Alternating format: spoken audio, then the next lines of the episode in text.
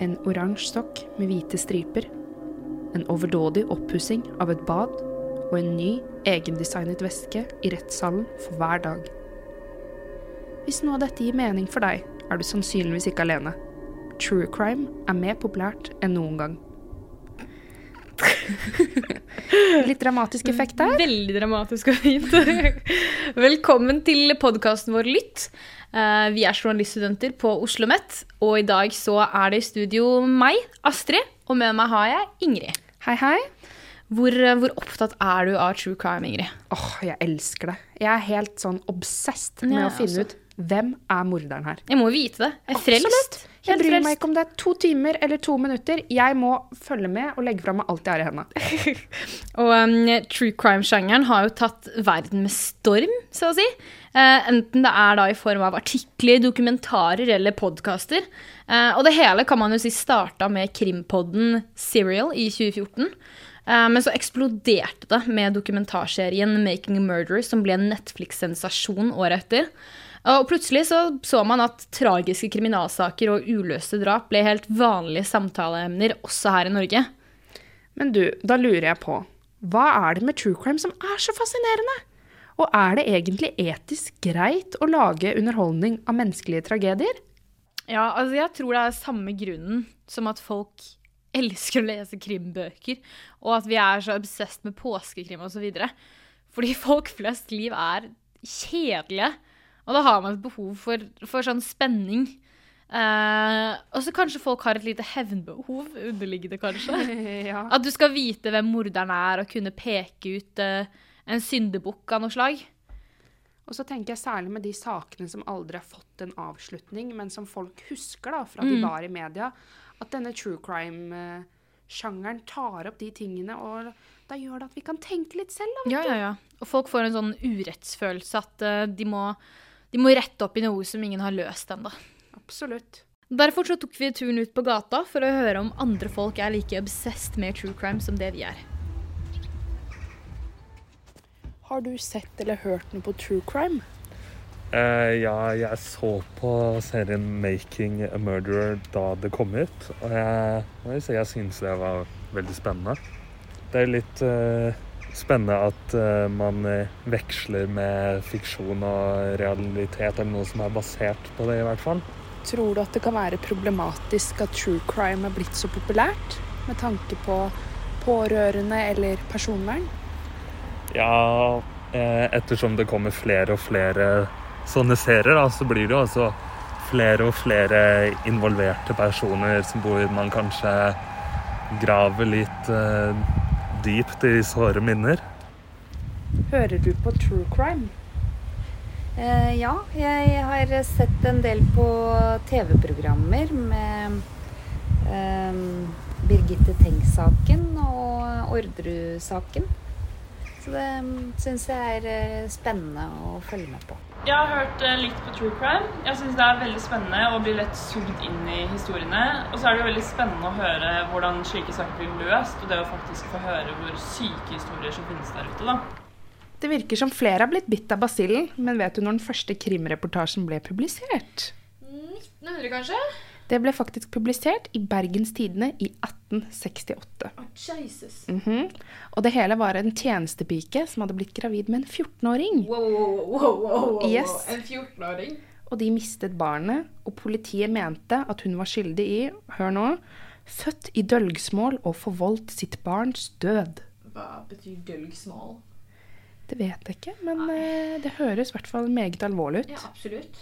Men eh, kriminaljournalistikken har jo kommet en lang vei siden det, da. Heldigvis. Og det er jo ikke helt uten utfordringer, det heller. Nei, altså pressen har jo et selvpålagt samfunnsoppdrag eh, om at de skal opplyse når det skjer kriminalitet. Eh, men de siste årene så virker det jo veldig som den rollen har endret seg.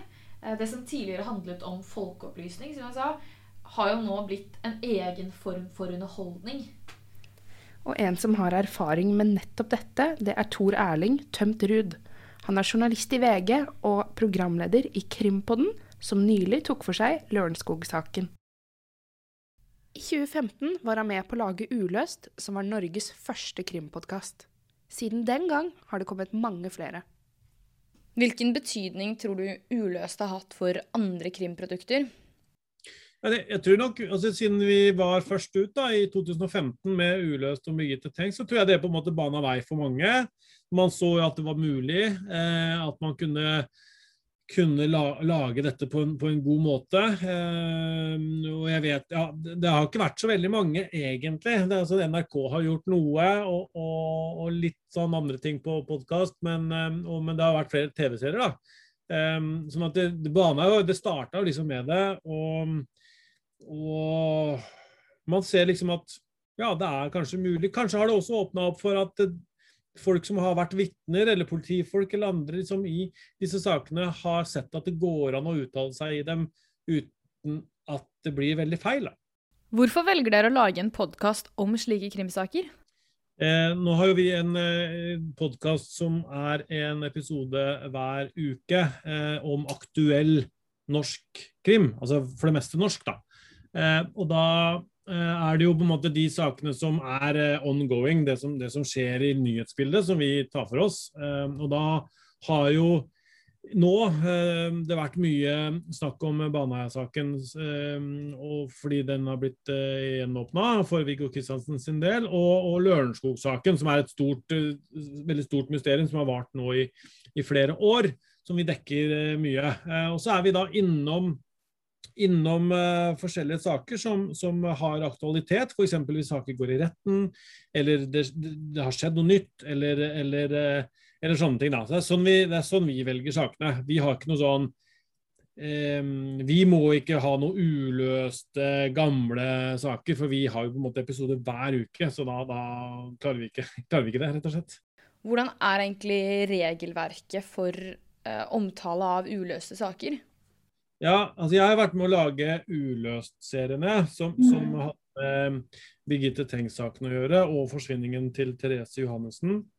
Eh, som er gamle saker, da. De er jo over 25 år, 30 år begge to. Um, altså det, er noen, det, er ikke noen, regelverk eh, rundt det. Uh, men som journalister da, så, så har vi jo har vi jo hensyn å ta. Ehm, det gjelder ehm, pårørende. Dette må på en måte rippe opp igjen en, ehm, en gammel sak. Eh, da er det på en måte snakk om at ok, hvis vi skal belyse denne saken på nytt, kan det føre til at vi kanskje får en løsning?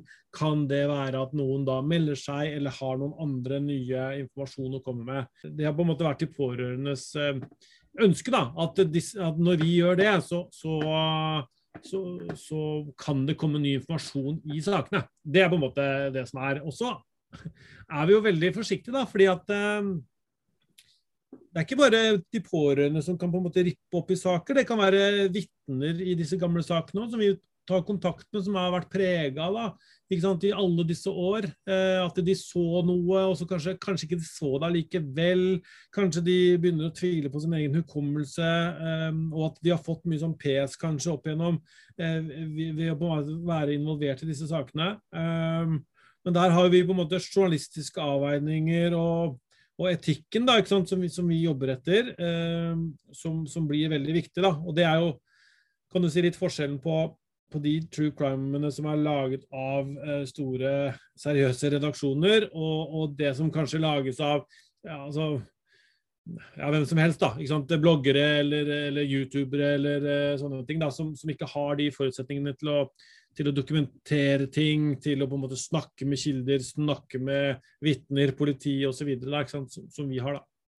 Hvilke etiske uh, avveininger gjør dere, og hvordan gjør dere disse avveiningene? Altså, hvordan, F.eks. hvordan veies offentlig interesse mot personvern?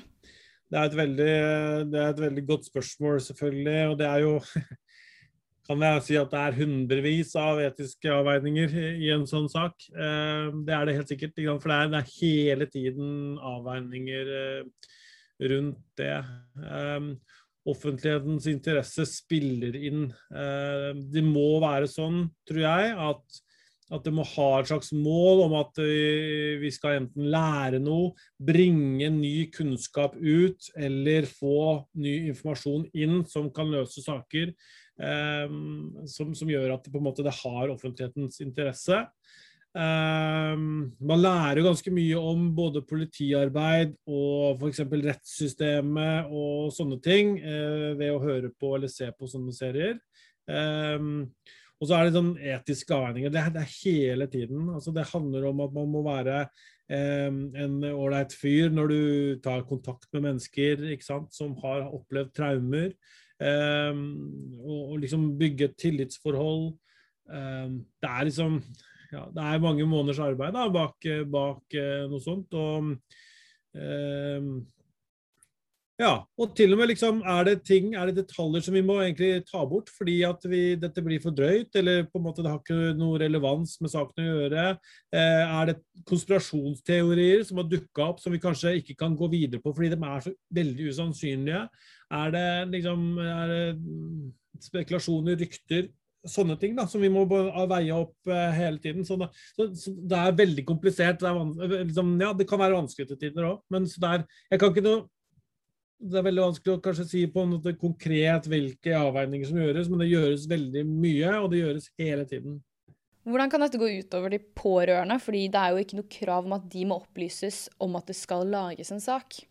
Nei, det er ikke noe krav om det, men det er jo vanlig folkeskikk å gjøre det.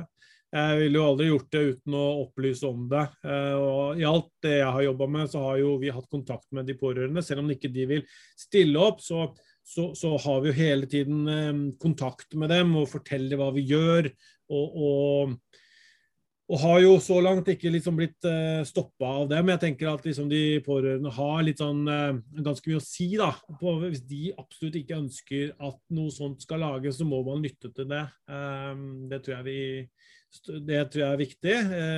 Og, og, vi som på en måte er seriøse, bør jo lytte til det, syns jeg. Ehm, hvis ikke så blir det veldig feil. Ehm, men det, det, er som sagt ikke noe krav, men det, jeg, mener det, er, jeg, jeg, ja, jeg mener det er helt vesentlig at man har den kontakten. Eh, kan det være etisk problematisk at mennesker uten redaksjonell tilhørighet eller eh, journalistbakgrunn lager eh, slike krimprodukter om uløste saker? Ja, det mener jeg det er. Det tror jeg er veldig, det er ganske kraftig etisk problematisk, syns jeg. Fordi um, hvordan kan man på en måte vite at uh, de har den dokumentasjonen de skal ha, og hva slags kildehenvisninger har de? Um, og, og, kan det som de framfører være sant, osv. Um, Sånn at de aller flinke, altså det, det, finnes jo gode eksempler på at folk som ikke har utdanning i journalistikk Jeg har ikke det sjøl engang, jeg, men jeg jobber nå i en redaksjon og har gjort det i over 20 år. Men, men, men, men ehm, det finnes jo eksempler på uh, folk som lager ting for YouTube som har disse kildehenvisningene. Jeg har det fra den og den artikkelen, eller uh, jeg har snakka med den og den og den. Ikke sant? Og da, da styrker det veldig på troverdigheten. Um, men uh, men eh, jeg ser jo at det finnes både ja, i Norge og internasjonalt eh, youtubere som liksom bare druser på, liksom, og bare finner noe greier på nettet og framfører det som det skulle være sant. Og det, det er farlig, ja. Eh, det stiller jo veldig krav til de som lager sånne ting.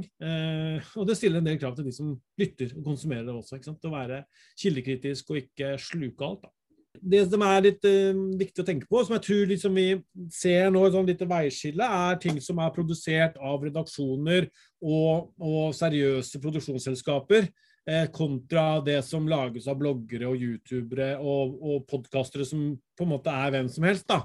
Um, så skal ikke jeg si at de ikke får lov til det, men jeg, jeg vil jo på en måte oppfordre dem til å å, å, søke sannhet og søke dokumentasjon da, for påstander og for den fortellingen de, de vil fortelle. Eh, og tenke på at det er ekte mennesker det er snakk om. Eh, og at det sitter noen som kan i andre enden som kan høre dette og bli eh, forferda av det de hører. Eh, F.eks. hvis det gjelder den egen familie eller noen de kjenner, eller, eller, eh, ja, eller pårørende. Da. Så det, det, tenker jeg på at det er en god oppfordring fra, fra oss andre da, som, som, jobber med redaksjon. Og jeg sier ikke vi, at vi ikke gjør feil, vi heller. Det, det, det skjer, det. Men vi prøver i hvert fall det ytterste og jobber ganske hardt for at det ikke skal skje. da. Siden Krimpodden produseres av VG og dermed er et redaksjonelt produkt, må den følge Vær varsom-plakaten.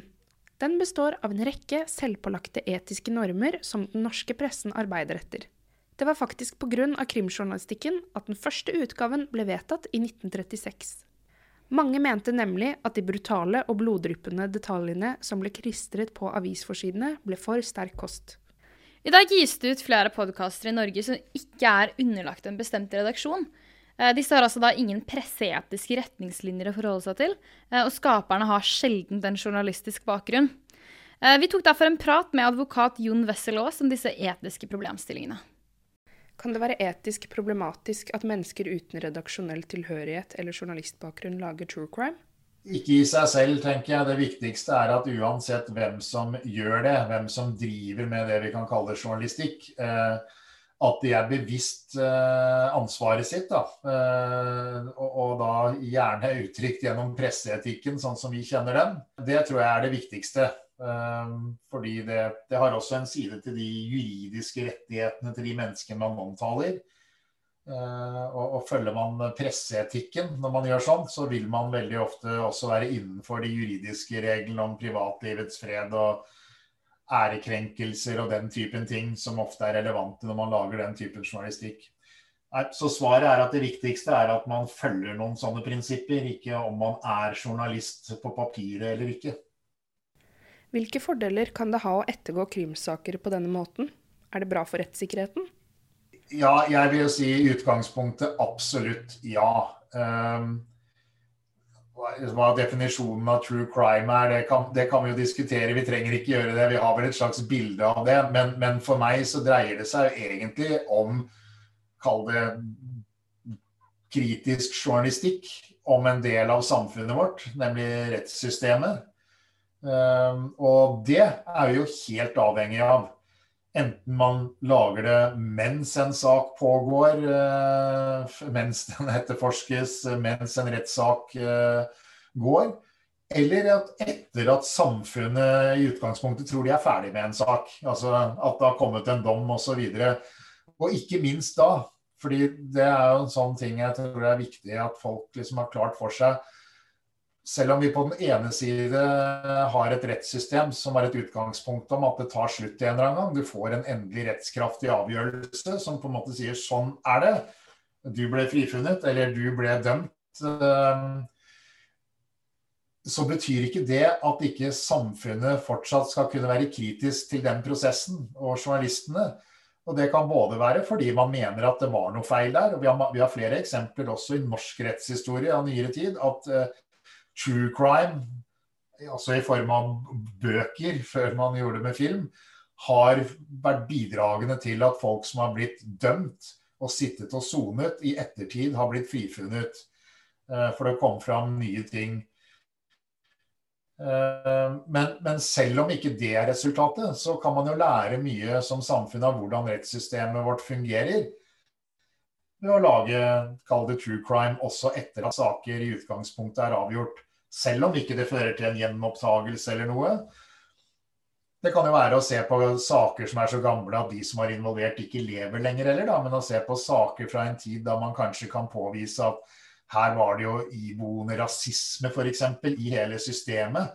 Uh, som den gangen passerte, på en måte, og som i dag med våre øyne viser hvorfor det er galt. fordi da ble bevisene vurdert på en rar måte. Går du langt tilbake i historien, så er det jo sånn, har du hatt regler til og med om at uh, et vitne. Hvis det var en mann, så var ett vitne verdt et vitne. Men uh, hvis det skal ha like stor verdi om det var kvinner, så måtte det to vitner til som sa det samme.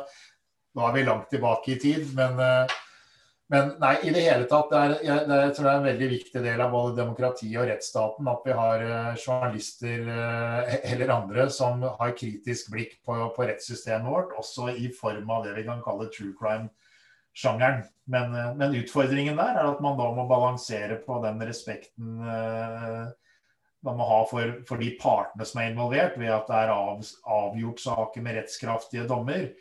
At man sørger for at seerne får med seg det også. Men når man har gjort det, så kan man jo likevel stille kritiske spørsmål til, til resultatet. Og så må man jo ivareta de når man har levende personer involvert, eller folk som fortsatt lever så må man huske på deres rett til uh, imøtegåelse og alle de vanlige prinsippene som i hvert fall journalister kjenner til. Da. Hvordan tar man avveiningen mellom offentlig interesse og personvern til de som tidligere er dømt? Det hadde jo vært utrolig fint hvis man kunne gi et generelt svar på det. For det er jo For det første så er jo det noe som eh, journalister og, og, og, redaksjoner i pressen nærmest jobber med daglig. Om ikke med, akkurat med true crime, men altså den, alltid det der hva Det at en sak eller et sakskompleks har offentlig interesse, er jo én ting. En annen ting er har identiteten på alle de involverte også offentlig interesse? Eller klarer vi å dekke den uten å avsløre identiteten til de involverte fordi den egentlig ikke har interesse. Det er liksom det prinsipielle i saken. Det samme gjelder jo selvfølgelig med, med, historiske saker hvor partene lever, men egentlig har lagt ting bak seg og slått seg til ro med det. Det er, eh, det er, ikke, det, det er ikke, det er ikke, noe, ikke noe klart uh, ja- eller nei-svar på om det er riktig eller ikke å, si, å, å bruke navnene deres eller andre ting. Det kommer veldig an på hva som er nødvendig for, for formålet her. da.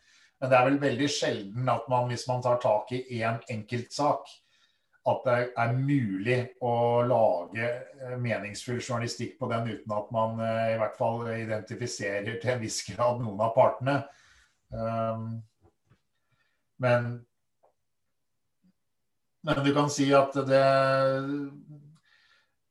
normalt vil jeg si at mange av de sakene i hvert fall som vi tenker på, kan jo være saker hvor typisk at den dømte fortsatt mener seg uskyldig dømt. Da vil man jo gjerne ha med den. Den personen vil jo gjerne da akseptere å bli identifisert. Eh, og stå frem og fortelle. Og da indirekte identifiserer man jo de som var fornærmede eller eh, pårørende av et drapsoffer eller noe sånt, uavhengig av om man nevner navnet deres eller ikke. Og De kan jo selvfølgelig oppleve det som tungt, men en journalist kan jo ikke la det være avgjørende.